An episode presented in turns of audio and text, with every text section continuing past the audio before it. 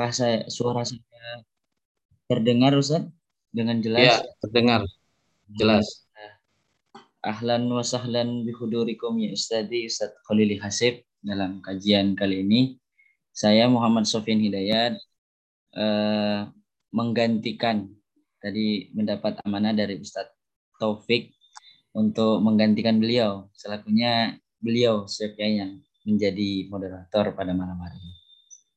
Alhamdulillah Alhamdulillahilladzi hadana li hada wa ma kunna linahtadiya laula an hadana Allah. Nusalli wa nusallim ala habibina Muhammad sallallahu alaihi wasallam. Asa ayyan fa'na bisyafa'ah fi yaumil qiyamah. Amin ya rabbal alamin. Segala puji bagi Allah yang telah memberikan kita kesempatan rahmat dan hidayah yang senantiasa kita dapat merasakannya sampai hari ini sehingga kita dapat melaksanakan kajian rutin mingguan dan bulanan di kegiatan Impas Surabaya.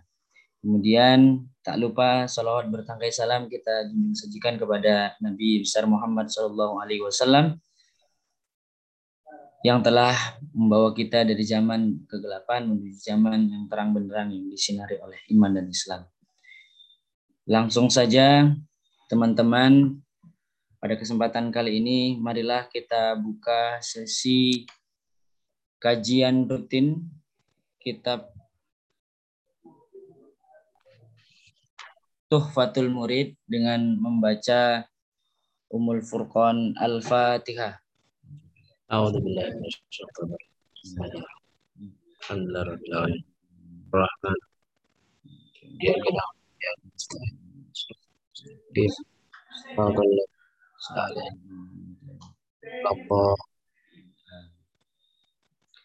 Alhamdulillah dengan telah dibukanya sesi uh, diskusi kita atau kajian kita pada malam hari ini. Uh, selebihnya saya serahkan kepada Al Ustadz Khalil untuk menyampaikan materi kajian kita pada malam hari ini. Kepada uh, Ayahanda, waktu dan tempat kami haturkan. Bismillahirrahmanirrahim. Assalamualaikum warahmatullahi wabarakatuh. Waalaikumsalam warahmatullahi wabarakatuh. Alhamdulillahi rabbil alamin. Wassalatu wassalamu ala asrafil anbiya wal mursalin. Sayyidina Muhammadin wa ala alihi wa sahbihi wa man tabi'um bi ihsanin ila yaumiddin. Allahumma aftah alaina hikmatak wa alaina min khazaini rahmatika ya arhamar rahimin ya arhamar rahimin. Amin ya rabbal Amin ya rabbal alamin. Terima kasih saudara Ustadz Sofian Hidayat.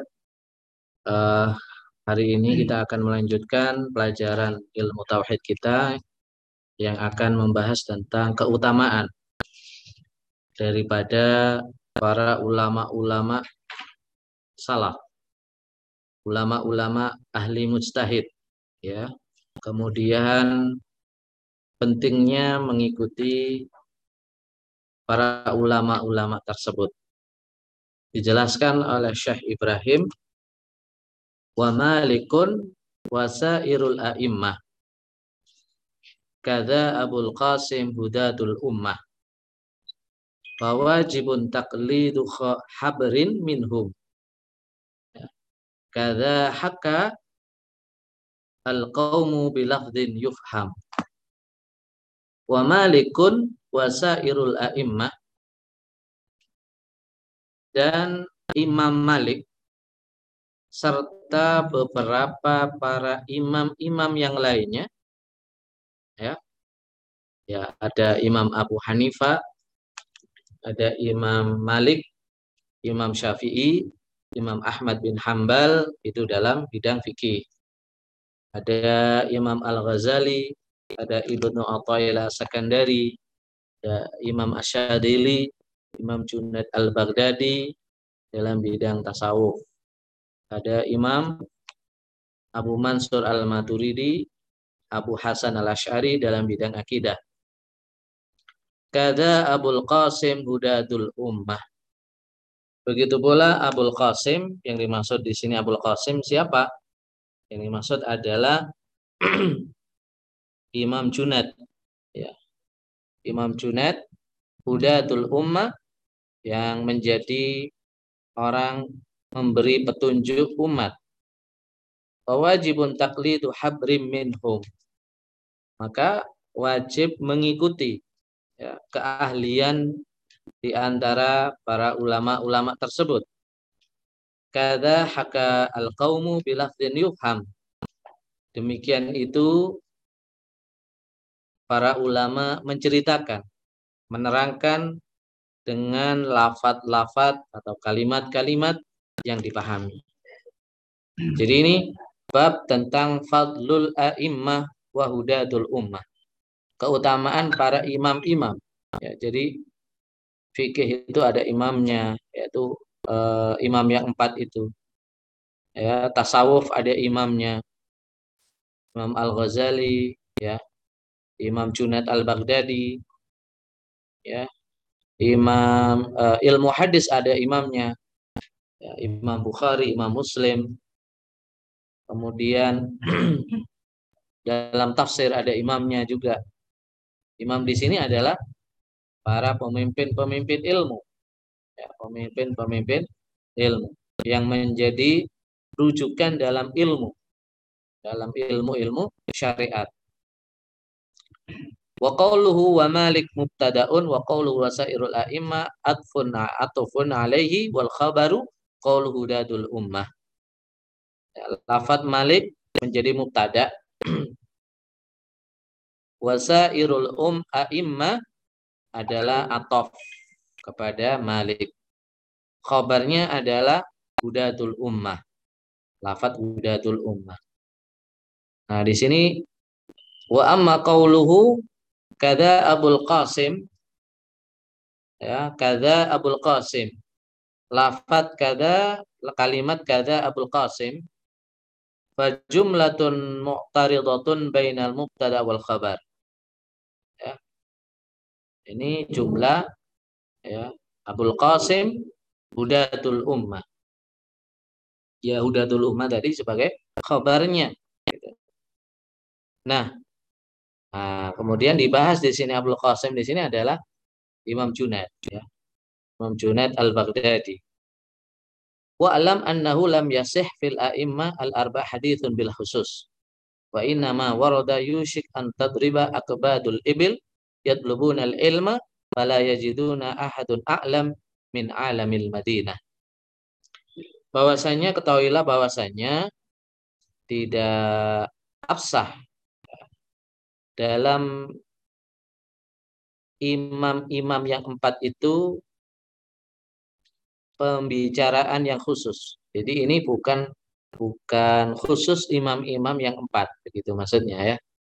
Bukan bukan khusus eh, imam-imam uh, yang empat. Ya, imam-imam yang empat itu utama dalam bidang fikih. Ya, wa inna ma warada ada riwayat sih. Yushik antat akabada al-ibil yatlubuna al-ilma fala yajuna ahadun a'lam. Hampir-hampir engkau mengencangkan uh, onta-onta ya maksudnya diikat kemudian dikencangkan Eh, dengan ikatan yang sangat kuat onta-onta itu. Kenapa? Yatlubun al-ilma karena mereka sibuk menuntut ilmu. Ya, sibuk menuntut ilmu. Sampai-sampai fala yajiduna ahadun a'lam. Tidak ditemukan salah satu di antara mereka a'lam min alamil Madinah yang lebih alim daripada orang-orang ahlul Madinah, ulama-ulama ahlul Madinah. Artinya ini keutamaan daripada ulama-ulama ahlul Madinah. Ya. Ya, memang banyak keutamaan kalau uh, dikisahkan pada zaman dulu khususnya zaman sahabat, zaman tabi'in, ya sampai zaman tabi'ut tabi'in. Banyak keutamaan-keutamaan daripada uh, orang alim dari Madinah di situ. Ya. Misalnya mereka ini bukan hanya ulamanya, tapi hampir seluruh penduduk Madinah di zaman itu. Di zaman itu tradisinya adalah gerak-geriknya, tingkah lakunya meniru Rasulullah Sallallahu Alaihi Wasallam. Berjalannya, tidurnya, eh, apa, senyumnya, semua perilaku-perilakunya itu meniru Rasulullah. Dalam madhab Malik ada hukum, ya ada amalu ahlul Madinah itu menjadi hukum. Nah, kalau menurut riwayat ini fahamula alal imam al-malik. Alal imam malik. Maka dimungkinkan itu maksudnya adalah Imam Malik. Imam Malik asli Madinah. Fakanu yazdahimuna ala babihi li talabil ilmi. Para penduduk Madinah itu ramai-ramai berdesak-desakan eh, di pintunya Imam Malik untuk menuntut ilmu, untuk mencari ilmu. Jadi para imam-imam dahulu, ulama-ulama besar dulu, itu rumahnya menjadi madrasah. Jadi rumahnya menjadi madrasah. Setiap hari dipenuhi orang-orang yang menuntut ilmu, ya bukan sekedar mendengarkan mereka, tapi mempelajari dengan serius ya ilmu-ilmu dari para imam-imam tersebut, ya. Dan itu terstruktur. Fikih, itu membaca apa, hadis, baca apa, tafsir, baca apa, sampai selesai kitabnya. Dan semuanya serius eh, dalam menuntut ilmu. Sehingga selesai pengajian di rumah para imam-imam tersebut, banyak di antara mereka itu menjadi ulama. ya menjadi bahkan menjadi imam-imam ya ulama-ulama besar ya di situ ya seperti sekolah seperti sebuah madrasah di serius itu bukan sekedar apa datang kemudian eh, apa, mendengarkan, setelah mendengarkan selesai di rumah tidak muktalaah. Ya karena datang hanya tidak membawa apa-apa hanya hanya istimak saja. Tapi kalau zaman dulu tidak. Ya. jadi masjid kemudian rumahnya para ulama itu menjadi madrasah. Jadi kalau seorang ulama dikenal ahli fikih misalnya Imam Malik, Imam Syafi'i, maka di situ rumahnya, ya, rumah imam tersebut dipenuhi oleh orang-orang yang menuntut ilmu fikih. Kemudian kalau ada ulama yang ahli hadis misalnya, maka orang-orang ini juga eh, para penuntut ilmu berpindah ke rumah. Jadi mereka dari pindah dari rumah satu ke rumah yang lain. Ya, rumah-rumah itu adalah madrasah. Ya. Wakilah huwa kullu aliminha. Dikatakan yang dimaksud itu adalah setiap orang alim di penduduk Madinah. Ya. Orada alim Quraisy yang melaut yang melau tibaqal ardi ilman. Alim Quraisy ada sebuah riwayat ya. Orang alim dari kalangan Quraisy ya Imam Imam Syafi'i itu uh, Quraisy ya. Quraisy ya. Uh, jadi ketua apa jalurnya nasabnya itu sambung kepada sambung kepada uh, nasabnya Rasulullah tapi di atas ya, bukan dari jalur Sayyidina cucunya Sayyidina Hasan atau Husain bukan, tapi dari jalur atas, ketemunya di jalur atas. Di keturunan keberapa ya Yamla tiba kol ardi. Orang-orang alim Quraisy itu memenuhi keseluruhan bumi. Dipenuhi dengan apa? Memenuhi dengan apa? Ilman dengan ilmu. Ya, itu keutamaan. Keutamaan alim dari orang dari Quraisy. Ya ini maksudnya apa? Fahamula alal Imam Syafi'i. Riwayat ini memungkinkan yang dimaksud alim Quraisy itu adalah Imam Syafi'i. Imam Syafi'i dari Quraisy. Wakila Ibnu Abbas. Ada yang mengatakan uh, adalah Ibnu Abbas. Oh, karena ada riwayat wa warada laukan al-ilm bi Thuraya lana lu rijalun min Faris. Wa hamula ala Abi Hanifah wa ashab. Kalau seumpama ilmu ini bagaikan bintang, ya, umpama ilmu ini di, uh, di diumpamakan bintang namanya bintang Suraya bintang Suraya. Lana luhu rijalun min faris. Maka orang laki dari Persi akan mendapatkan itu. Akan mendapatkan itu. Ya siapa? di antara aimatul arba'ah, imam yang empat itu yang dari Persia, ya, yaitu Imam Abu Hanifah. Ya, beliau tinggal di Irak. Maka fahamula ala Abi Hanifah washabu. Nah, dimungkinkan yang dimaksud riwayat ini adalah Imam Abu Hanifah dan para pengikut-pengikut Abu Hanifah atau murid-muridnya. Fakullu min hadil ahadi. Dan semua riwayat ini adalah dhonni. Dhonni itu maksudnya ambigu. Siapa sesungguhnya? Tidak jelas di situ. Karena tidak menunjuk person. Tapi menunjuk kepada eh, daerah, suku, dan sebagainya. Jadi riwayat pertama itu menunjukkan bagaimana keutamaan orang alim dari Madinah. Nah, jadi dari empat uh, imam itu yang asli Madinah adalah Imam Malik. Ya. Kemudian riwayat kedua itu menjelaskan tentang keutamaan orang alim dari kalangan Quraisy. Lalu dari imam yang empat ini Imatul Arba'ah, yang dari kalangan Quraisy adalah Imam Ash-Syafi'i. Kemudian riwayat keempat adalah tentang kelebihan orang memiliki ilmu dari seorang yang berasal dari suku Persia.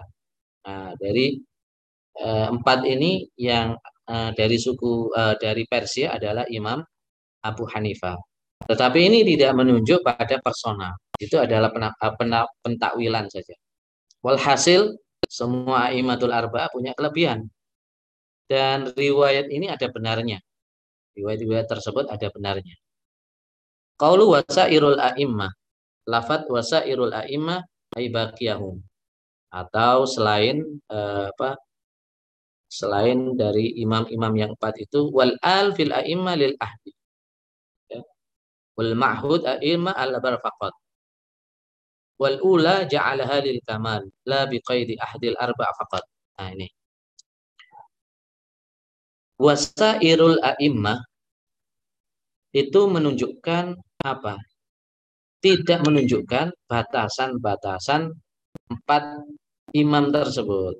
Jadi sairul a'immah jadi para imam-imam yang lainnya tidak dibatasi imam yang empat, imam fikih yang empat.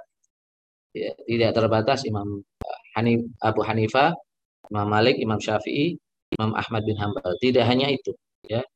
Tapi ini adalah semua yang punya kelebihan para imam yang punya kelebihan. Maka fayadkhul al-Imam Asy-Syafi'i Abu Abdullah Muhammad bin Idris. Maka termasuk di dalamnya adalah Imam Syafi'i, ya. E, gelarnya Abu Abdullah Muhammad bin Idris. Imam Syafi'i itu nama aslinya Muhammad Nama aslinya Muhammad. Ya, anak uh, ayahnya namanya Idris, ya. Ya, ayah namanya Idris. Maka Muhammad bin Idris. Lalu dia punya putra namanya Abdullah. Maka digelari Abu Abdullah karena punya anak namanya Abdullah. Di Abu Abdullah Muhammad bin Idris.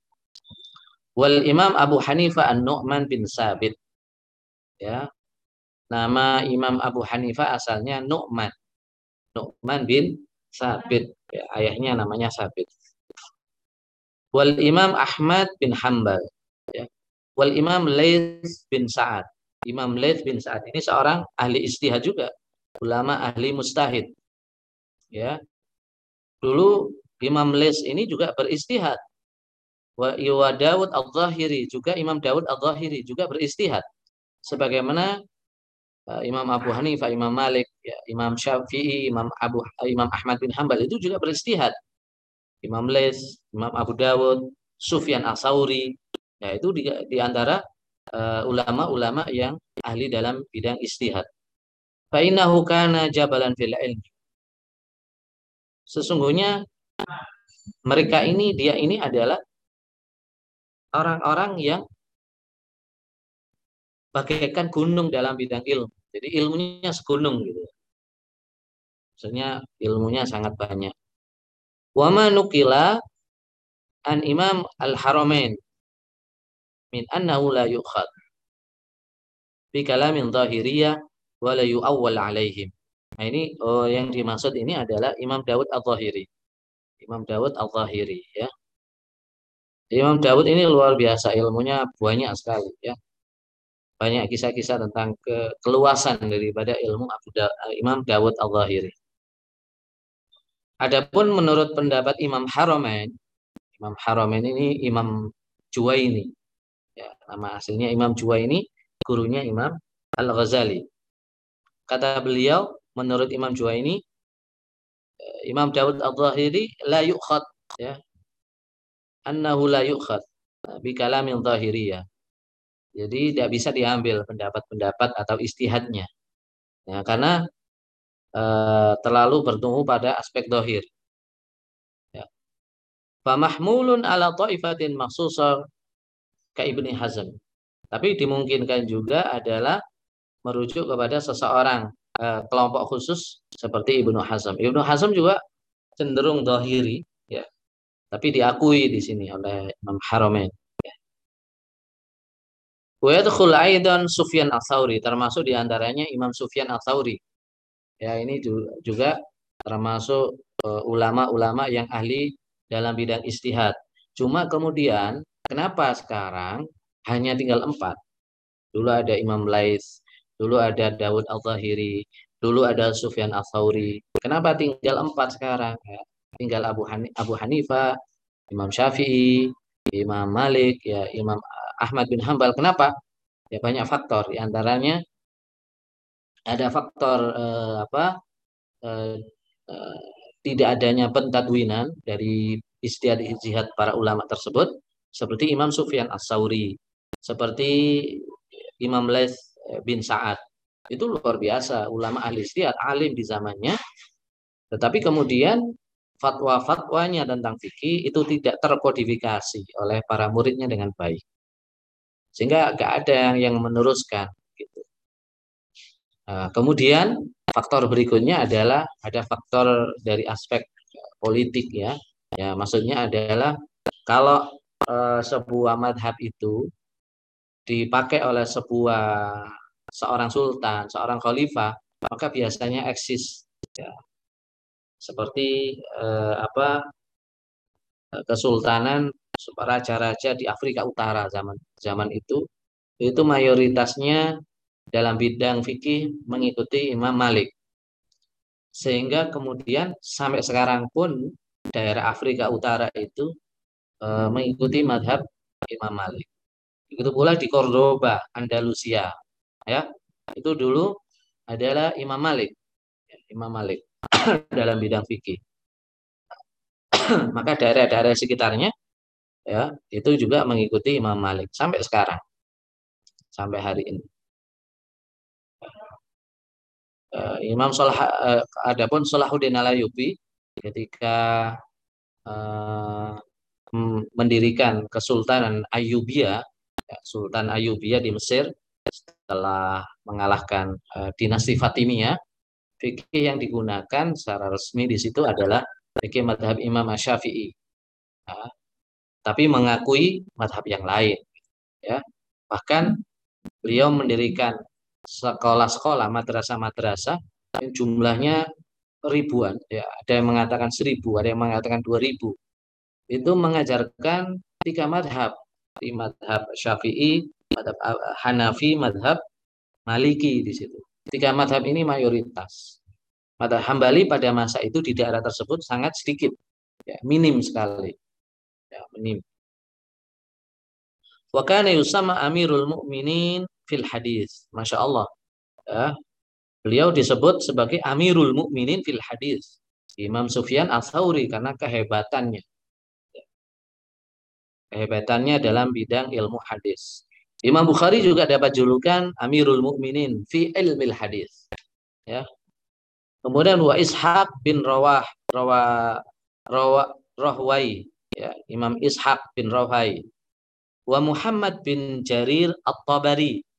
Juga Muhammad bin Jarir At-Tabari. Wa Sufyan bin Uyainah dan Sufyan bin Uyainah ini orang-orang hebat para ulama-ulama yang ahli istiad pada masanya. Dicukup banyak ternyata. Wa kana yaqul idza kana nafsul mu'min mahbusatan an makaniha fil jannah bidini hatta yaqdadi anhu fa kaifa bi sahibi bi sahibil ghaiba Inna din yaqdi wal ghaibah la taqdi. Abdurrahman bin Umar al-Auza'i wa kana yaqul laisa sa'atun min sa'ati dunya illa wa tu'rad 'alal 'abdi yaumal qiyamah. Ya. Jadi Imam Sufyan As-Sauri di antara kalamnya ya itu pernah mengatakan kan nafsul mukmin mahbusa apabila jiwa seorang mukmin orang beriman itu terpenjara makanya fil jannah di di tempatnya di surga tempatnya di surga bidinihi dengan membawa agamanya memegang kuat agamanya sampai ia meninggal ya. Pakai fa sahibil riba. Maka bagaimana dengan orang yang eh, yang yang tidak hadir ya tidak ada. Maksudnya tidak mahbusaan makaniha. Fa innan fa inna din yaqdi wal ghiba la taqdi. Sesungguhnya agama itu menyelesaikan wal ghiba ketiadaan itu ketiadaan agama tidak menyelesaikan wa Abdurrahman bin Umar al-Auza'i ya Imam Abdurrahman bin Umar al-Auza'i Bukan yakul pernah mengatakan laisa saat min di dunia illa wa tu'rad ala abdi yaumal qiyam. Tidak ada satu saat, satu waktu di antara waktu-waktu di dunia ini kecuali semua waktu itu akan ditampakkan pada hari kiamat. Jadi setiap saat setiap saat kita sedang apa gitu kan? Kita sedang apa? Jadi itu semua di, diperlihatkan nanti di akhirat ya rekamannya nanti di akhirat itu kata Imam Abdurrahman Al-Zai fa sa'atul ladhi la yudhkar fiha la yudhkar Allah fiha taqta nafsahu alaihi hasarat barang siapa yang waktunya itu tidak digunakan untuk mengingat Allah berzikir kepada Allah maka dia nanti di akhirat akan menyesal ya akan rugi. Pakai saatun ma'a saatin wa yaumin ma'a yaumin. Bagaimana kalau terlewat satu saat ya satu saat dengan waktu-waktu yang lain, hari demi hari, waktu demi waktu itu semua terlewat tanpa ada zikir kepada Allah, ingat kepada Allah. Ya. Bagaimana? Itu perkataan daripada Imam Abdurrahman bin Umar Al-Auza'i.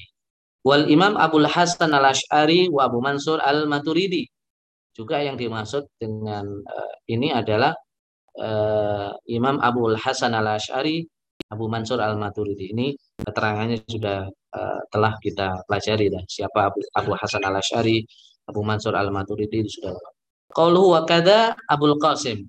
Lafat Abul kada Abul Qasim. Kada khabarun muqaddam. Kada itu menjadi khabar muqaddam. Wa Abul Qasim mubtada muakhar. Namun Abu Qasim adalah menjadi mubtada yang diakhirkan. Jadi kalau ini makna Jawa misalnya kada iku koyo mengkono mengkono Abul Qasim utawi Abul Qasim. Siapa yang dimaksud Abul Qasim? Yaitu Abul Qasim Muhammad Al-Junaid Sayyidus Sufia ilman wa amalan. Jadi yaitu Muhammad Al-Junaid. Jadi namanya Imam Al-Junaid Al-Baghdadi ya Sayyidus Sufia pemimpin uh, para sufi ilman wa amalan baik dari segi ilmu maupun amalan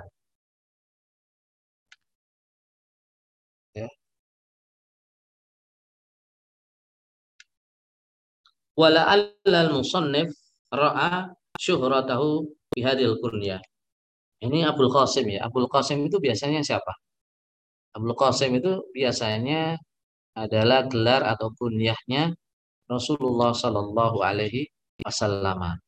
Nah ini ini bagaimana ini? Maka di sini ada perdebatan, ada perbedaan ya. Pendapat yang eh, pendapat yang kuat itu tidak diperkenankan sebetulnya Abdul Qasim ya menggunakan Abdul Qasim. Tapi ini darurat syair dan syair sebetulnya. Memakai Abdul Qasim Kenapa penulis uh, Jauharul Tauhid ini menggunakan Abdul Qasim? Sini ya karena itu kunyah atau gelar yang masyhur. Walau qala Junaiduhum aidan hudatul ummah lakana awdah. umpama dikatakan Junaid, ya, Imam Junaid sebagai petunjuk umat, maka itu lebih jelas. Ulama Qasim. Para ulama berbeda pendapat tentang kunyah atau gelar Abdul Qasim ini. Al-Imam Asy-Syafi'i, bagaimana pendapat Imam Syafi'i? Imam Syafi'i mengatakan la yajuzu mutlaqan.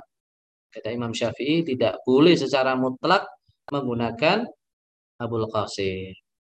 Karena khusus Rasulullah. Ya. Khusus uh, apa Rasulullah Shallallahu alaihi wasallam. Ai sawon kana ismu Muhammadan aula. Baik itu namanya nama seseorang itu Muhammad atau tidak, itu tidak boleh. Qabla mufarakatihi sallallahu alaihi wasallam di dunia au ba'daha.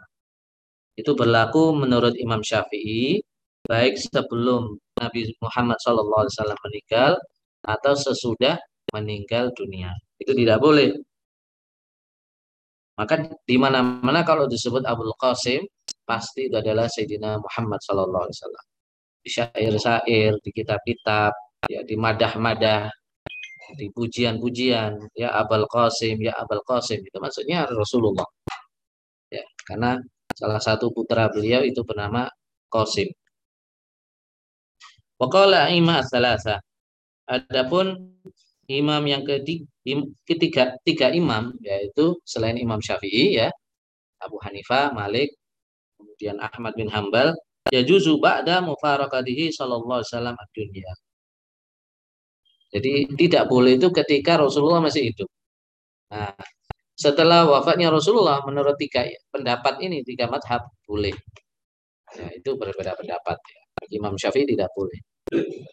Wa kana al-Junaid radhiyallahu anhu ala madhhabi Abi Thawr sahibul Imam Asy-Syafi'i. Dalam bidang uh, dalam bidang fikih ya Imam Junad ini kan seorang sufi. Dalam bidang fikih mengikuti Abu Thawr. Ya, Abu Thawr seorang alim juga seorang luar biasa. Sahibul Imam Syafi'i sahabat sekaligus muridnya Imam Syafi'i. Ya sahabat sekaligus muridnya Imam Syafi'i radhiyallahu anhu. Fa innahu kana mustahidan istihadan mutlaqan kal Imam Ahmad. Jadi Luar biasa murid-muridnya Imam Syafi'i itu jadi imam ya. Imam Abu Thawr ya yang diikuti oleh Imam Junaid seorang mustahid juga ya bahkan mustahid mutlak. Sebagaimana juga Imam Ahmad. Imam Ahmad juga muridnya Imam Syafi'i. Muridnya Imam Syafi'i Imam Ahmad. Jadi seorang mustahid mutlak. Muridnya Imam Syafi'i Abu Abu Thawr. Menjadi uh, apa mustahid yang mutlak. Luar biasa. Wa min kalamil Junaid di antara perkataan Imam Junaid ya tentang tasawuf biasanya at-tari ilallah masdudun ala khalqihi illa alal muktafina athar rasul sallallahu alaihi wasallam kata Imam Junaid jalan menuju Allah itu terhalang karena khalqihi makhluk. Jadi makhluk itu penghalang untuk menuju Allah Subhanahu wa taala, penghalang untuk ma'rifatullah. Kecuali apa? Illa alal muqtafin. Kecuali orang yang mengejar, melacak, mengejar melacak asal Rasul sallallahu alaihi wasallam asalnya peninggalannya Rasulullah Shallallahu Alaihi Wasallam. Wamin kalami aidan dan di antara ucapan Imam Junaid juga adalah lau akbala sadiqun nalallah alfu alfi sanatin summa a'rada anhu lahdatan kana ma fatau aksar mimma nalahu. Ya, ini ini eh, rangkuman-rangkuman perkataan daripada Imam Junaid lau akbala sadiqun ala Allah. Kalau seumpama orang yang sadik, orang yang sidik itu namanya sadik, orang yang sampai pada makom sidik ya. Jadi orang yang benar ya, sadik ini benar, bukan sekedar jujur, jujur ya. Ya jujur maksudnya kejujurannya itu dalam ubudiyah.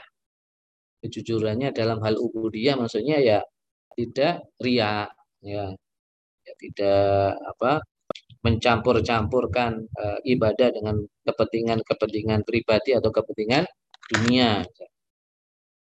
Itu sidik atau sodik ya jujur. Allah terhadap Allah alfu alfisanatin selama berapa ini? Seribu sama seribu. Satu juta satu juta tahun selama satu juta summa hulah kemudian Allah itu berpaling darinya eh, atau dia berpaling dari Allah, mohon maaf. Summa aradanu Dia berpaling dari Allah eh, lahdatan, sebentar saja. Sebentar saja. Jadi umpama dia menghadap kepada Allah selama satu juta tahun. Kemudian berpaling sesaat saja kana ma fatahu artinya lahdatan kana ma fatahu maka waktu yang ia tinggalkan waktu yang ia tinggalkan ya aksar mimma itu seperti seakan-akan lebih banyak waktu yang ditinggalkan daripada yang ia peroleh. Jadi apa? Ketika berpaling itu seakan-akan lebih lama berpalingnya. Padahal toh itu orang-orang khusus kalau seperti itu. Orang-orang khusus. Baik, itu di antara kalam-kalamnya masih banyak ya. In badat zarratan min ainil karam wal jud al musib bil muhsin wa bagat a'malun fadlan lahum wa dakhala alaihi iblis fi suratin fakir yuridu khidmat syekh ya fakhadamahu muddatan tawila thumma akhbaru bi nafsi wa qala lahu ya wa qala lahu. Ini kisah antara uh, Imam Junaid dengan iblis. Iblis ini menyaru menyaru sebagai seorang yang melayani Imam Junaid. Menyaru sebagai manusia. Pura-pura jadi manusia. Untuk apa? Untuk menjerumuskan untuk menyesatkan Imam jadi dia menyaru sebagai manusia dan itu dalam waktu yang sangat lama, mudah tawilah. Tapi apa yang terjadi? Iblis ini tidak punya kesempatan untuk menjerumuskan Imam Junaid. Tidak ada waktu ya, untuk menjerumuskan Imam Junaid. Tidak ada kesempatan sama sekali. Selama masa yang sangat lama. Oke. Kemudian thumma akhbaru bi nafsihi wa qala lahu khidmatuka muddatan wa lam yakhtal min amalika syai'un. Khodamtuka muddatan. Khodamtuka. Aku telah melayani engkau, kata iblis. Tetapi engkau amal-amal kamu tidak sama sekali tidak tertipu. Ya, jadi mengamati setiap hari. Iblis ini mengamati setiap hari perilaku tindak tanduknya Imam Junaid. Mana yang ada kesempatan untuk dijerumuskan, langsung ada langsung dijerumuskan. Tapi sama sekali tidak ada kesempatan di situ. Ya. Kata Imam Junaid, ana arifun bika min awwali ma dakhalta. Imam Junaid sudah tahu bahwasanya ini iblis ini pura-pura saja. Luar biasa. Iblis ini pura-pura untuk apa? Untuk melayani dia. Untuk melayani dia. Lalu kemudian waqad waqad istakhdamtuka uqubatan laka. Ya, kata uh, Imam Junaid. Saya sudah tahu kamu ini adalah iblis pura-pura melayani aku. Lalu kata Imam Junaid, aku biarkan kamu melayani aku sebagai apa? Ukubatan laka. Sebagai apa? Siksaan bagi engkau. Ben kapok ya. Supaya kapok, dikapok-kapokkan ini sama sama Imam Junaid. Luar biasa. Kalau orang biasa bisa tertipu. Karena iblis itu luar biasa. Iblis itu sangat-sangat halus apa godaannya. Ya. Qauluhu hudatul ummah. Qauluhu hudatul ummah. Lafat hudatul ummah ai hudatu hadil ummah. Orang-orang memberi petunjuk umat ini, umat Islam. Allati hiya khairul umam. Yang mana umat itu adalah khairul umam, sebaik-baik umat. Ya. Bisa dari qaulihi ta'ala sebagaimana itu difirmankan dalam Al-Qur'an kuntum khaira ummatin ukhrijat linnas. Ta'muruna bil ma'ruf wa tanhauna 'anil munkar. Ya kuntum khaira ummah. Kau ini adalah sebaik-baik umat. Sebagaimana kemarin sudah kita bahas ya pelajaran yang lalu tentang kedudukan eh, keutamaan para sahabat. Khairul quruni qarni tsummal ladina yalunahum tsummal ladina yalunahum Baum khiyarul khiyar. Mereka ini orang-orang terbaik di antara yang terbaik.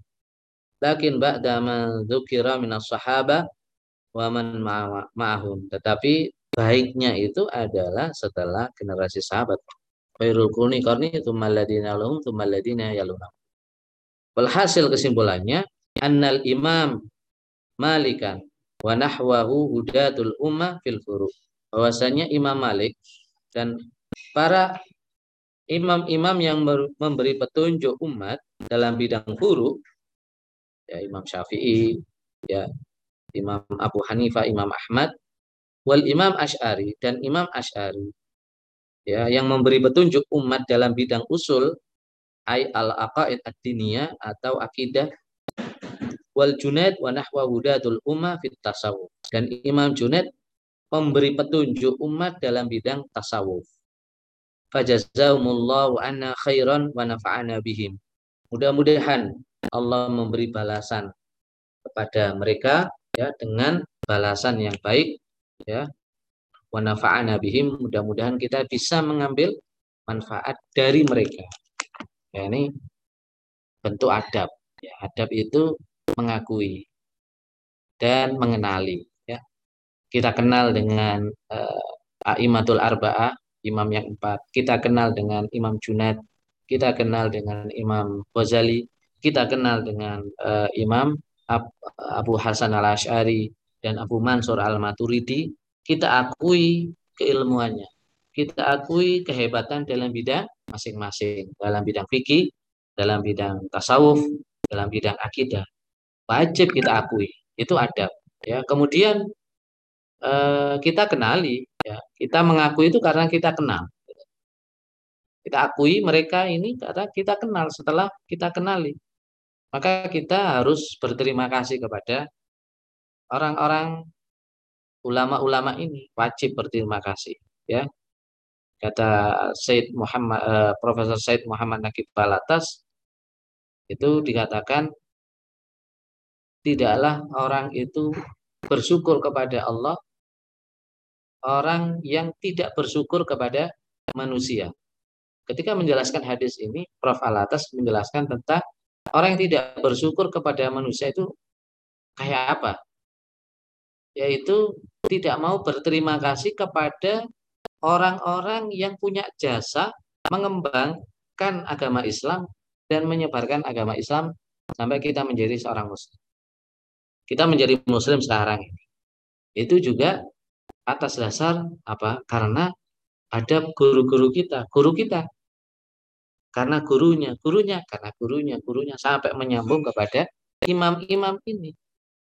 Nah, secara tidak langsung para imam-imam ini itu punya peranan yang luar biasa terhadap keislaman kita. Terhadap keislaman kita. Kalau di Indonesia konteks uh, apa lokal kita wajib berterima kasih kepada para dai-dai wali songo, mubalik mubalik wali songo. Ya, wajib itu berterima kasih. Kalau nggak berterima kasih, maka syukurnya tidak diterima oleh Allah. Syukurnya tidak diterima oleh Allah, wah ini ditolak sama Allah.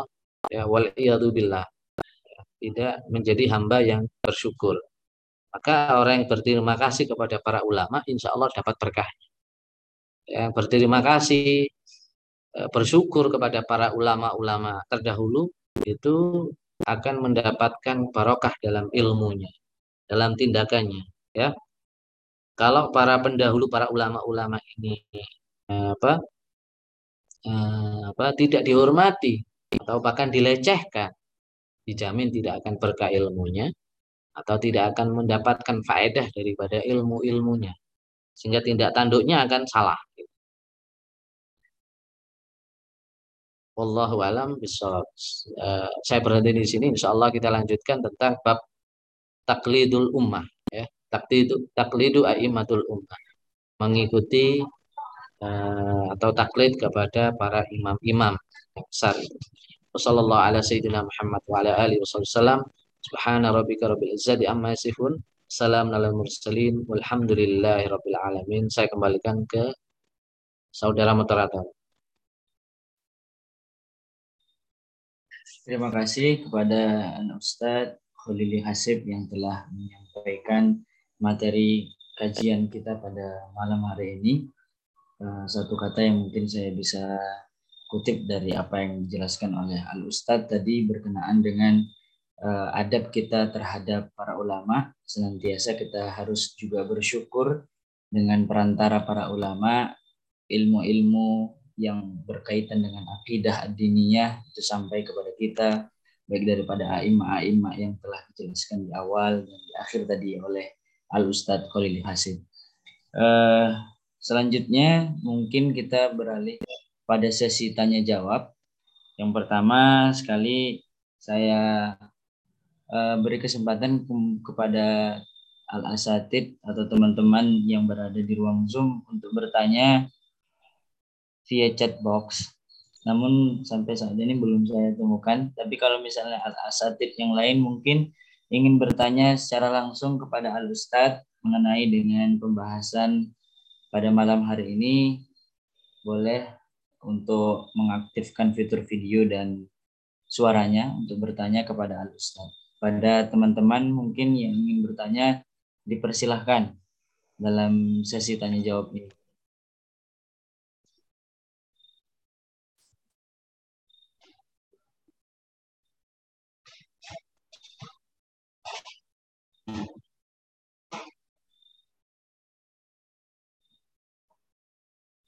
Uh, apakah kiranya ada dari asatid sekalian yang ingin bertanya?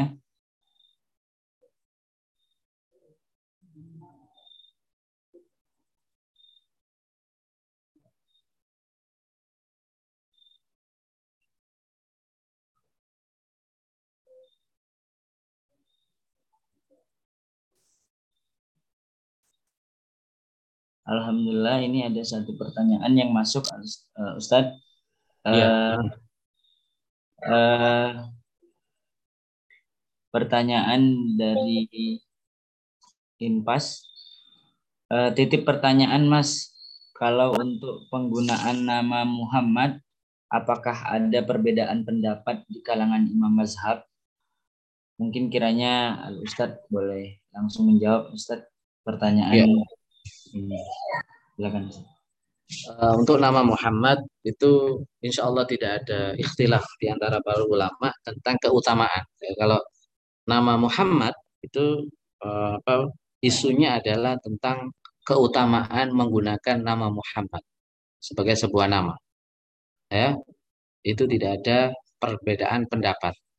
Hanya saja uh, itu kita harus berhati-hati menggunakan uh, apa kata Muhammad. Dalam arti begini kalau kita punya anak ya itu biasanya menurut para ulama kalau laki-laki yang pertama itu biasanya Muhammad. Dan kalau punya anak laki-laki laki yang kedua atau ketiga ya misalnya maka namanya Ahmad ya biasanya begitu Kemudian ada anak laki-laki lagi. Itu dinamakan dengan gelar-gelar Nabi Muhammad dengan yang lain. Ada Al-Mustafa, itu gelarnya. Ya. Dan lain-lain banyak gelar-gelar daripada Nabi Muhammad SAW. Nah, untuk Nabi uh, untuk nama Muhammad itu tidak boleh uh, dibuat mainan-mainan. Dalam arti dibuat mainan itu artinya kalau itu nama Muhammad, maka harus kita harus menjaga adabnya. ada seseorang namanya Muhammad, maka harus jaga adab. Misalnya ada anak namanya Muhammad itu nakalnya bukan main. Waliyadzubillah ya. Nama Muhammad tapi luar biasa nakal. Maka kita marahi itu. Kita keluarkan kata-kata yang karena kemarahan itu. Maka jangan sampai keluar kata-kata yang menisbatkan Muhammad meskipun itu maksudnya anak bukan kepada Nabi nisbat dengan sesuatu yang tidak baik. Misalnya begini, waliyadzubillah, ada anak nakal. Ya. Memang Muhammad ini apa, orang yang begini-begini, ah, itu tidak boleh. Itu tidak boleh. Jadi atau disingkat-singkat, Muhammad disingkat-singkat, ya. Nah, ini kalau di Jawa itu macam-macam. Jawa, Madura, macam-macam. Dan Muhammad, eh, siapa? Muhammad Saiful misalnya. Kemudian eh, eh, apa? Waliyadzubillah matanya nggak bisa melihat satu. Oh, kemudian dipanggil mat mat apa buta, mat yang buta. Itu tidak boleh. Tidak boleh. Begitu adabnya loh para ulama kita terhadap nama Nabi Muhammad. Kalau manggil itu sebagaimana manggilnya orang Arab, Muhammad, Ahmad, ya Ahmad, Ahmad, ya. Panggil nama dengan nama lengkap gitu. Muhammad ya lengkapnya Muhammad, Ahmad, Ahmad. Adabnya tidak di, di apa di disingkat-singkat ya. Itu kalau manggil ya, kalau manggil ya. Eh, itu. Jadi tidak boleh dinisbatkan dengan hal-hal yang tidak baik, yang tidak apa layak dinisbatkan kepada nabi kita. Itu tidak boleh. Itu memang anjuran ya. Anjuran ada riwayat kalau kamu punya nama, punya anak laki-laki, namakan Muhammad atau Abdun ya. Ini Abdun ditambah dengan nama Allah asmaul apa Abdurrahman, Abdurrahim, Abdurrauf ya dan lain-lain. Demikian. Terima kasih Ustadz atas jawabannya. Kemudian ini ada satu pertanyaan lagi Ustadz dari Santi Ekawati. Assalamualaikum warahmatullahi wabarakatuh. Izin bertanya Ustadz, apakah penting kita memiliki mazhab dan menurut Ustadz dari beberapa mazhab yang ada manakah yang lebih utama kita ikuti? Syukran. Begitu pertanyaannya. Uh, silakan boleh dijawab langsung. Ustaz. Nah, ini uh, insya Allah pembahasan lebih lanjut ini uh, pada pertemuan yang akan datang. Ya, pertemuan yang akan datang itu uh, nadhamannya syairnya fawajibun taqlidu habri minhum kada hakal qaum lafdin yuham. Ini hukum mengikuti keahlian di antara para aimatul arba'ah, para aimah ini. Maksudnya adalah hukum, eh, apa kewajiban mengikuti madhab, ya, mengikuti madhab yang empat. Ya, bagi orang awam di sini dijelaskan. Ya, nanti eh, minggu depan cuma yang akan datang kita bahas lebih lebih apa lebih lebih banyak lah nanti akan kita bahas singkatnya begini Menurut penulis ini, bagi orang awam harus mengikuti madhab. Ya, kenapa? Karena awam itu tidak memiliki kemampuan untuk beristihad. Istihad itu apa? Istihad itu menggali hukum. Dari mana? Dari Al-Quran, dari hadis, dari sumber-sumbernya. Sumber-sumber pokoknya. Ya, dari sumber-sumber pokoknya. Itu harus. Kita nggak punya keahlian itu. Ya ikuti madhab. Gitu. Meskipun ini bukan pilihan yang sifatnya tidak ada dalil wajib itu. Tapi para ulama mayatimul wajib illa bi wajib. Itu akan ada, ada. Malah itu mubihi wajib fawa wajib. Apa-apa yang tidak eh, apa yang tidak apa eh, sesuatu yang membutuhkan wajib, maka itu hukumnya jadi wajib. Ya. Hukumnya wajib. Ya. Memang tidak ada dalil yang sorry itu adalah wajib. Tapi kita harus melihat realitas, kenyataan, wakiat, ya, fenomena. Kita sebagai orang awam mau mengambil hukum tidak bisa. Pasti tanya ustaz. Ya. Pasti tanya ulama. Ya, pasti tanya ulama. Ini apa ayat ini maksudnya apa? Nah, kita tanya ini berarti kita mengikut seseorang. Ya, mengikut seseorang. Seseorang apa? Seseorang yang dianggap ahli. Seorang siapa yang seorang dianggap ahli itu? Ya guru kita. Guru guru kita adalah orang yang ahli untuk memberi jawaban itu. Nah, guru kita ada sebetulnya guru kita yang lebih ahli, yang pakar luar biasa. Ada Imam Syafi'i, itu guru kita. Guru tidak langsung. Ada Imam Ahmad bin Hambal, ada Imam Syafi'i, ada Imam Malik, ada Imam Abu Hanifah. Itu guru-guru kita. Guru-guru yang mana kita tidak belajar secara langsung, tetapi melalui ustadz kita, ya, melalui ulama kita. Ya, dari ustadz kita, kemudian kita tahu beliau-beliau ini punya pendapat demikian, beliau-beliau ini punya pendapat ini. Dari situlah kita kenal satu hukum. Melalui apa? Dari guru kita. Nah, guru kita dari guru ini, guru ini dari guru ini sampai nyambung kepada Imam Ash-Syafi'i Ya. Eh, itu penting. Madhab itu kalau nggak dikatakan wajib, penting.